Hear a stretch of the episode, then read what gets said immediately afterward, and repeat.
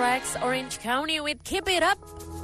Yang pastinya kamu sekarang lagi dengerin Helmi dan di sini di 103.8 Radio More Music, More Entertainment.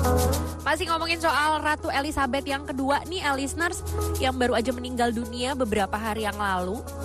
Dan itu kayak semua orang bisa ngerasain kesedihannya ya. Walaupun mungkin nggak kenal dengan beliau, tapi karena beliau tuh udah cukup lama banget berkuasa kayak yang tadinya masih bayi sekarang udah gede masih tetap aja ratunya di Inggris tuh Ratu Elizabeth gitu. Ya kan 70 tahun loh beliau tuh berkuasa. Jadi kayak semua orang tuh pasti tahu siapa ini dia, Ratu Elizabeth yang kedua. Nah selama 70 tahun berkuasa, Ratu Elizabeth yang kedua ini tuh meninggal dunia dengan total kekayaan pribadi sebesar 365 juta pound sterling. Atau kalau dirupiahin itu sekitar 6,24 triliun rupiah. Dikit ya. Maksudnya kayak 70 tahun loh berkuasa, masa hartanya cuma 6,2 triliun rupiah aja sih? Dan harta kekayaan pribadi Ratu Elizabeth II ini itu diketahui jauh-jauh-jauh di bawah banyak kekuasaan lainnya.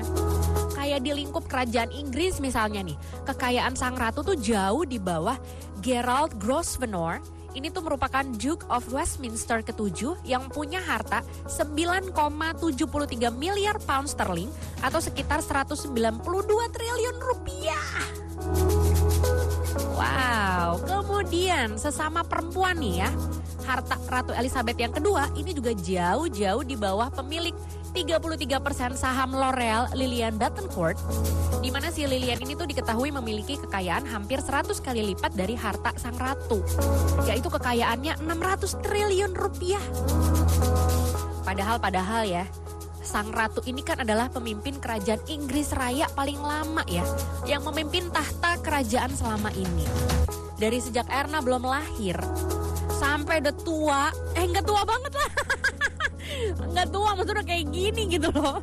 Dewasa wanita matang ya. Masih dia juga ratunya. Dan sebagai informasi Ratu Elizabeth II ini memang naik tahta di 6 Februari 1952 tuh ketika berusia 25 tahun. Nah kemudian jadi apa dong kekayaan pribadi yang dimiliki oleh sang ratu?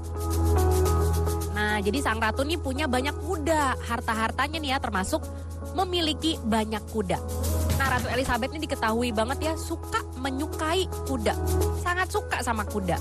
Dan gak heran dia ini menginvestasikan kekayaannya lewat 20 kuda kerajaan yang sangat mahal.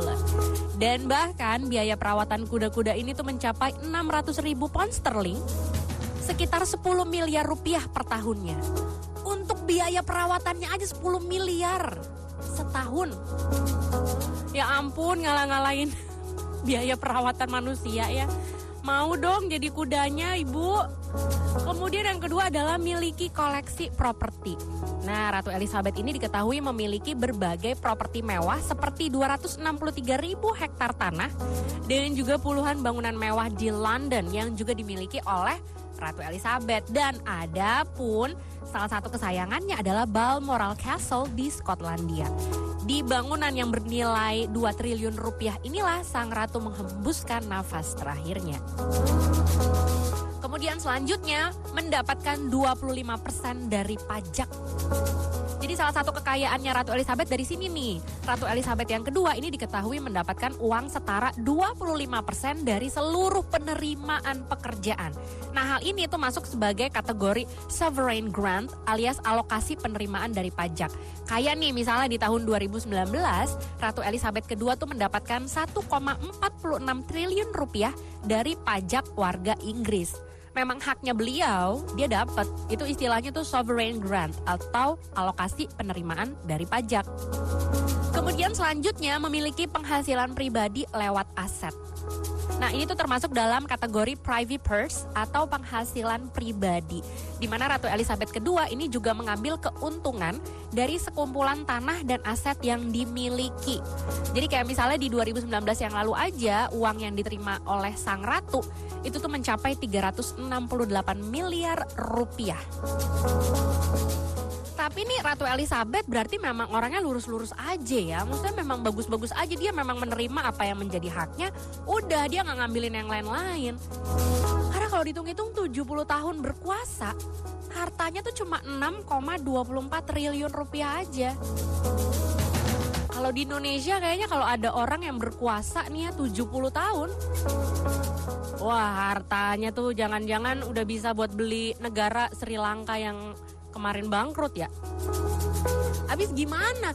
Ada soalnya nih kayak pejabat-pejabat di Indonesia yang baru menjabat 2 tahun, 3 tahun, terus hartanya kayak dua kali lipat aja gitu langsung nambah. Nggak tahu deh apa karena memang dia bisnis sampingannya kenceng, atau mungkin dia pintar main saham nggak tahu juga kan atau mungkin dia jaga lilin atau nggak tahu you over here. I can feel you over here. You take up every corner of my mind. What you gonna do now